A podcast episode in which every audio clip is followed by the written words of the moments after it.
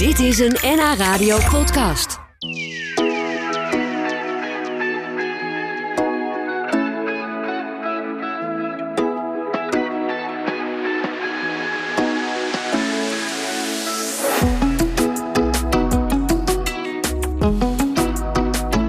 Eh, gast van vandaag die heeft iets eh, heel bijzonders gedaan, gemaakt. Dat kunnen we nu nog niet in het echt gaan bekijken waar het uiteindelijk gaat komen. Maar ik heb het over kunstenaar Frans van Leeuwen uit Enkhuizen. Die kreeg een hele mooie opdracht, eh, opdracht. Namelijk om een glas in loodraam te ontwerpen voor de Oosterkerk in Horen. In dat raam zit de vier eeuwen geschiedenis van Horen verwerkt. En hoe hij dat heeft aangepakt, dat gaan we horen, want hij is vandaag mijn gast. Wat leuk dat je er bent, dankjewel. Dankjewel. Voor, om hier te komen met eh, jouw chauffeur, die Ja. ook jouw assistent is. Ja. Ja, welkom ook. Maar die, die gaat zo even dingen laten zien voor de mensen die meekijken via de webcam. Ehm, en ik, ik, ik dacht, het is wel grappig eigenlijk. Een Enkhuizer kunstenaar die dan voor zo'n belangrijke plek in Horen het glas in lood mag ontwerpen. Ja. Hoe, hoe is dat nou zo gekomen? Ja, de- heel bijzonder. Ehm, nou, doe ik heel veel in de in- op historisch gebied Daar zijn Ja. we met een aantal grote projecten hebben we daar gemaakt. En we zijn nu bezig met de kanon van Enkhuizen. En dit kwam er zomaar tussendoor vliegen. Ja. Ik ben er gebeld. En eh, nou, ze kom maar. ja, maar had je al heel vaak glas in loodramen gemaakt? Nee, nog nooit. Nee, maar toen dacht je, dat kan ik wel. Ja. Ja, een beetje Pippi Langkous Nee, nee, idee. ja, nee, ja. Nou goed, ik ben graficus. En, ehm, maar ik heb... eh, in het begin heb ik heel veel onderzoek gedaan naar technieken eh, over glas en lood. Dus in het Ja, ja. Rijksmuseum. Ik heb me laten voorlichten, en noem maar op. Ja. Dus er is een hele, hele studie aan vooraf gegaan voordat ik zeg maar ben begonnen om Met te het- ontwerpen. En ook omdat ik digitaal werk. Ja. Ja. Ehm, dat moet dan ook eh, gebeuren. Kijk, je kan met een gewone printer, maar dan is zo'n beeldenis is na 25 jaar is weg Ja. door de zon. ja, dat kan niet. Dus dat het kan niet. alleen maar met echt op een manier eh, dat het in het glas gebrand wordt. Ja. Op, op een ouderwetse manier. Ja, het echte brandschilderen. Mooi. Ja, Kijk, een prachtig mooi boek wat je gemaakt hebt eigenlijk over dat hele proces, hoe je dit hebt aangepakt. Eh, en daar staan ook afbeeldingen in van het glas en lood dat we straks vanaf, eh, nou ja, het eind we september gaan zien hoor. Kunnen we dat gaan, eh, gaan bewonderen. Hier staan afbeeldingen in van het hele raam, maar ook van het maakproces. En van ja, per raam eigenlijk afzonderlijk hoe het, hoe het eruit ziet. Ik hou het even omhoog. Dan hoop ik dat de mensen die meekijken via de webcam... dat die dat dan eh, even tot zich kunnen nemen... terwijl wij daarover gaan praten. Glas in lood, dat was vroeger natuurlijk heel normaal. Dat, dan had je kunstenaars die dat, eh, die dat elke, elke maand maakten, bij wijze van spreken. Als er weer eens een kerk werd gebouwd. Tegenwoordig is dat wat uitzonderlijker. En vroeger kreeg je misschien zo'n opdracht van eh, rijke inwoners van de stad of de gilde. Maar wie heeft jou gevraagd om dit te maken? Ja, ook een, een, een, eh, een eh, ondernemer, oud ondernemer van, of onderneemster ehm, ehm, van de stad Horen. En die had zoiets van, ik ga iets terugschenken aan de stad die mij zoveel gegeven heeft. En is het een anonieme schenker? Of oh, ja, jij weet natuurlijk wel wie het is. Ja, ik maar weet wie is het het is. iemand die Ehm, een beetje uit de publiciteit wil blijven? Ja, een klein beetje ja. Ja, ja. En eh, bij de onthulling zal het wel, dan wordt het wel bekend. Oké. En dat zie je er alleen maar, want zo wordt het ook. Ja, ja, zeker. Ja, het is niet alleen maar ter zijner of hare meerdere glorie, maar omdat hij echt iets terug wil doen voor de stad. Ja, zoals, eigenlijk, zoals het eigenlijk in de 17e eeuw ook gebeurde. Ja. Of in, in de 18e eeuw. En de, eh, alleen, ja, nu eh, we zitten in een, een schraapcultuur. Ja. Dus dat gebeurt nu niet meer zoveel. Nee. En dat maakt het ook zo heel bijzonder. Zeker ja. En, Ja. en sowieso lijkt me heel bijzonder om een groot glas in loodraam te mogen ontwerpen voor een kerk. Ja. Niet iets wat jij ook dagelijks eh, doet, denk ik normaal gesproken. Het is gewoon bizar natuurlijk. En- dat, en- ik, dat ik, dat ik eh, de, een telefoontje heb. Ik ken hem al heel lang hoor. Eh, uit het verleden dat ik nog eh, als kunstenaar eh, in Horen ook heel erg bezig was. In de boterhal onder andere. Daar kende ik hem ook wel van. Eh, zo is hij ook wel bij mij terechtgekomen uiteindelijk. Maar dit is natuurlijk een bizarre opmerking. Want over 300 jaar zit het er nog in. Juist, jij wordt ook echt onsterfelijk en je gaat de geschiedenisboekjes in van horen. En dat, dat lijkt me heel mooi, maar dan rust er dus ook een zware druk op je. Want hoe Ja. pak je dat dan aan? Wat, wat wilde die opdrachtgever? Wat heeft hij jou gevraagd? Nou, hij wilde, zeg in de basis wilde hij een, eh, een eh, ontwerp hebben over de handel en nijverheid van Horen. Tussen eh, 1600 en 1900. En ja, dat is ehm, hartstikke leuk. Alleen in de, negen, of de 18, 18, 19 eh, er gebeurde er gewoon helemaal niks. Het was gewoon een arm dorp. En dat is net zoals Enkhuizen, dat, daar gebeurde gewoon helemaal geen drol. Nee, het was vooral natuurlijk die, die Ja, glorietijd dus dan van werd veel, de... veel de puinhandel. Er zijn heel veel gebouwen afgebroken. Die werden verkocht. Dus daar is heel weinig van. Ehm, en eh, ik had ook meteen zoiets van... ik heb geen zin in VOC. Nee. Laten wij nou eens een keer gewoon die handel op de Oostzee doen. Dat vind ik vele malen interessanter. En Johan de Wit, eh, bij onze rijksbaan, die heeft al ooit gezegd van... en dat staat er dus ook straks in het raam... eh, de genoegzaamheid, je wel, want ehm, dat de, dat de, de Oostzeehandel, dat was de negotie van de Nederlandse, ja, hoe moet zeggen, eh, republiek. Ja. ja, dus je hebt je daar veel meer op gefocust. Ja. Ehm, De en- houthandel en eh, graan, ja, en vis.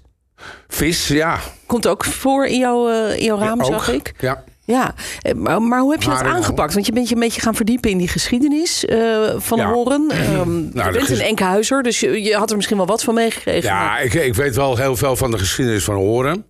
Maar je gaat nu eigenlijk, en dat is leuk voor zo'n, het maken van zo'n raam, wil je natuurlijk gewoon heel veel leuke, veel Ja. specifiekere, die niet die algemene dingen vinden. Dus je bent op zoek naar, ja, moet zeggen, scoops en, en, en leuke dingen van eh, hoe werkte dat nou in die Ja. tijd. Ja, en, en dan moet je dus een raam ervan maken. Dus Ja. hoe, hoe heb je dat aangepakt? Nou, ik, we hebben, ik heb ontzettend veel beeldmateriaal. Ik denk dat ik ehm, eh, in mijn archieven heb, nou, ik denk 30.000 tekeningen, schilderijen, be- afbeeldingen, eh, noem maar op. Die heb je allemaal opge, al- eigenlijk ja, voor deze ja, opdracht. al- ja, maar ook vanwege Enkhuizen. Dus er zit natuurlijk ook... Ik heb natuurlijk eh, in Enkhuizen de ontdekking gedaan. Daar heb ik natuurlijk ook heel veel materiaal. En, eh, ja, voor wie dat niet kent, even heel dat kort. was het hele grote theaterspektakel... waar ik een gigantische wat ik eh, gemaakt heb. Ja, en geproduceerd. Ehm, dus ik, had, ik heb heel veel materiaal gewoon. ja, Nou, dan heb je zeg maar in de 18e eeuw heb je dan jongens als eh, Springer, Pronk, eh, die de, de stad gaan bezoeken. En dan die prachtige tekeningen maken en etsen. Van de Oostertoren. En, en, eh, ja, dus daar kun je dus wel wat uit putten. Maar ja, ja. Dus je had heel veel afbeeldingen. Maar goed, Ja. dan moet je nog een soort... Je moet het gewoon een soort van samen gaan ballen en, en, Ja. en samenvatten als het ware. Want je hebt een enorm verhaal te vertellen over al die eeuwen. Maar je hebt maar één raam. ja, Nou ja, wel allemaal kleine. Het is natuurlijk opgebouwd uit allemaal kleine ramen. Mhm. Ehm, dus dat lijkt me wel een hele lastige. Hoe, hoe lang ben je daarmee bezig geweest? nou, anderhalf jaar denk ik. Toch wel? Ja. Ja, Ja. niet constant, maar nou, wat ik gedaan heb, is zeg maar met dat materiaal, en daar Ja. heeft Erik mij ook mee geholpen, om zeg maar, ehm, zeg maar losstaande beelden te maken. Ja, En- Erik is eh, de jongen die jou gebracht heeft. Ja. De jongen zeg ik, die meneer die jou gebracht heeft. Ja. die, Die ook jouw die, heeft- die heeft mij daarbij eh, geassisteerd. Ja. Want het is zo ontzettend veel werk. Maar wat ik gedaan heb, is zeg maar met- aan de hand van heel veel schilderijen en tekeningen en ehm etsen een, eh, een nieuwe werkelijkheid maken. ja, ja. Want wat ik laat zien, dat bestaat helemaal niet. Nee, het is niet een, een, een letterlijke afbeelding van hond. Nee, maar het zijn nee, eigenlijk nee, allemaal lagen over elkaar. Ja, het zijn, ja. dus het is bijvoorbeeld een, een raam kan bestaan uit, eh, ik denk wel 80 onderdelen.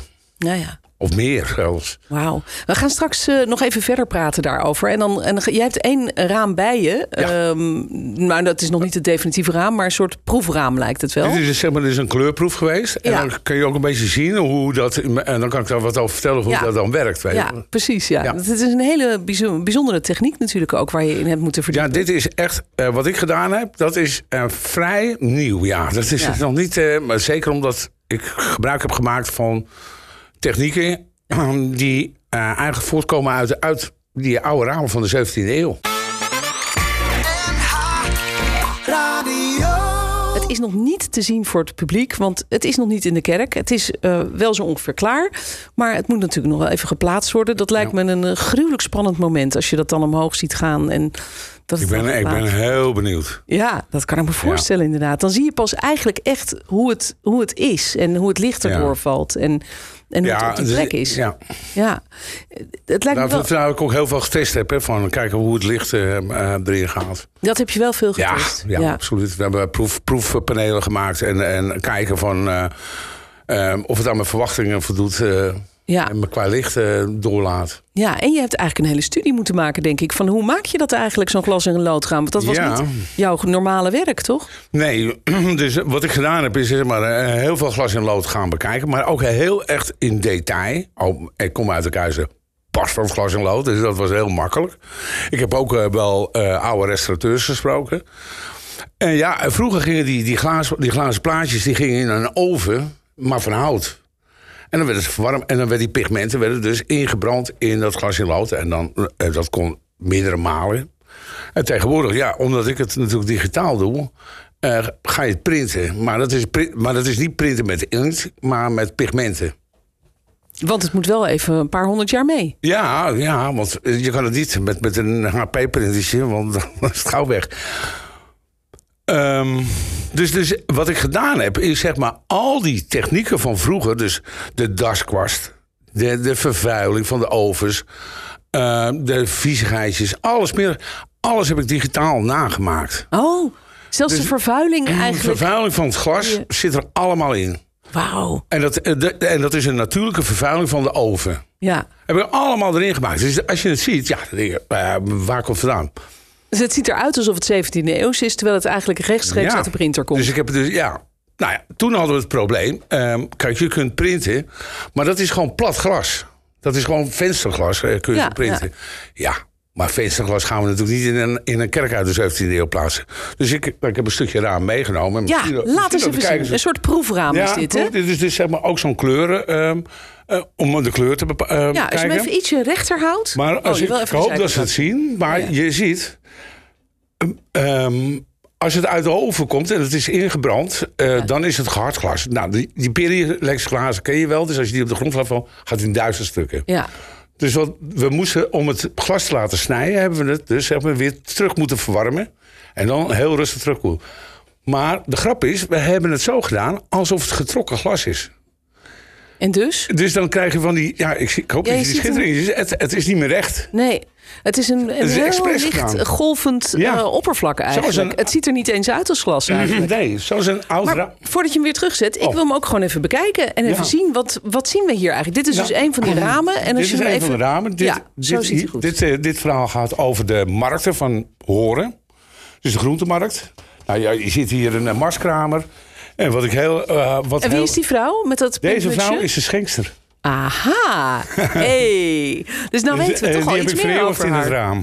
Ja, ontzettend leuk. Ja. Helaas is zij eh, een aantal weken geleden overleden. Ach, Dus ze kan zelf de onthulling. Dus het was de bedoeling dat zij het zou onthullen. ach, En ja, helaas. jeetje. Ja, dat is heel spijtig. Ja, maar ze staat er heel prachtig en stralend Ja, in het ik vond, ik vond middelpunt. het zo leuk. Ik denk, ik ga er gewoon in zetten. Dus ik heb haar geschilderd en, Ja, mooi. en erin gezet. Ja, je ziet ook dat zij van, van nu is. Ze springt er gelijk uit Ja. als zijnde echt een vrouw van, eh, van nu. Ja, Eh, ze staat met kazen en een mand met eh, uien en, en Ja, uien, groentes. groenten.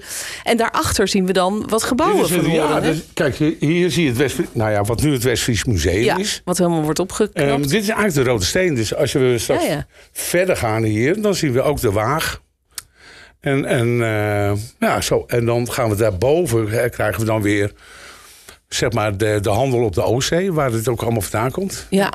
Ja, dus je hebt eigenlijk in die verschillende verdiepingen, zullen we maar zeggen, eh, Ja. steeds een, een stukje uit de geschiedenis gepakt. Ja, En daarin allemaal lagen over elkaar aangebracht met Ja. verschillende personages. kleuren. eh, alles is aangepast. Ik denk dat er wel, even, even kijken hoe, ik denk dat hier wel, nou, twintig schilderijen verwerkt zijn. Oh ja, en, en ik hoorde dat je ook nog een leuke verwijzing naar de, de orgeldraaiersteen hebt gedaan. Ja. Wat is het verhaal Ah, dat is een grapje, weet je wel. En Grapje. Kuizers noemen Horinese orgeldraaiers, omdat ze zo'n grote mond hebben en eh, Oh, echt? praatjes hebben. Dus die Enkhuizers noemen vaak Horinese orgeldraaiers. En ik denk, nou, we hebben ook een markt. Echt een markt. Ik denk, ik zet een mooie, een mooie orgeldraaier erbij. Oh, dat is grappig. Ja, even een knipoog. Gewoon, eh, gewoon een beetje plagen. ja, wat bijzonder. Nou. Maar dat zit in alle ramen trouwens, hoor. dat is heel leuk. ja, dus eh, dit zijn ramen die we eh, dan straks in de kerk kunnen zien. En dan hoop ik dat ze in de kerk ook een soort opstelling maken met een soort uitvergroting van elk raam. Dat je even goed kan kijken wat er allemaal op Ja. staat. Want als hij helemaal daarboven in de kerk hangt, dan is het Nou, natuurlijk we, moeilijker te gaan, we gaan nog een boekje maken ook. En een, Oh, ja. En een filmpje natuurlijk Ah, van eh, hoe het gemaakt is. De making of. Ja. En dan kan ik even wat dieper ingaan op de techniek en dat soort dingen. Ja, leuk. Nou, daar komt dan dit interview ook weer in te zitten in dat filmpje. Ja, en zo wel, eh, ja. zijn we weer helemaal rond met het uh, drosten effect. En uh, heel veel succes. Wens Dankjewel. Ik en leuk dat je er was. Merci. Dit was een NH Radio podcast. Voor meer, ga naar nhradio.nl NH Radio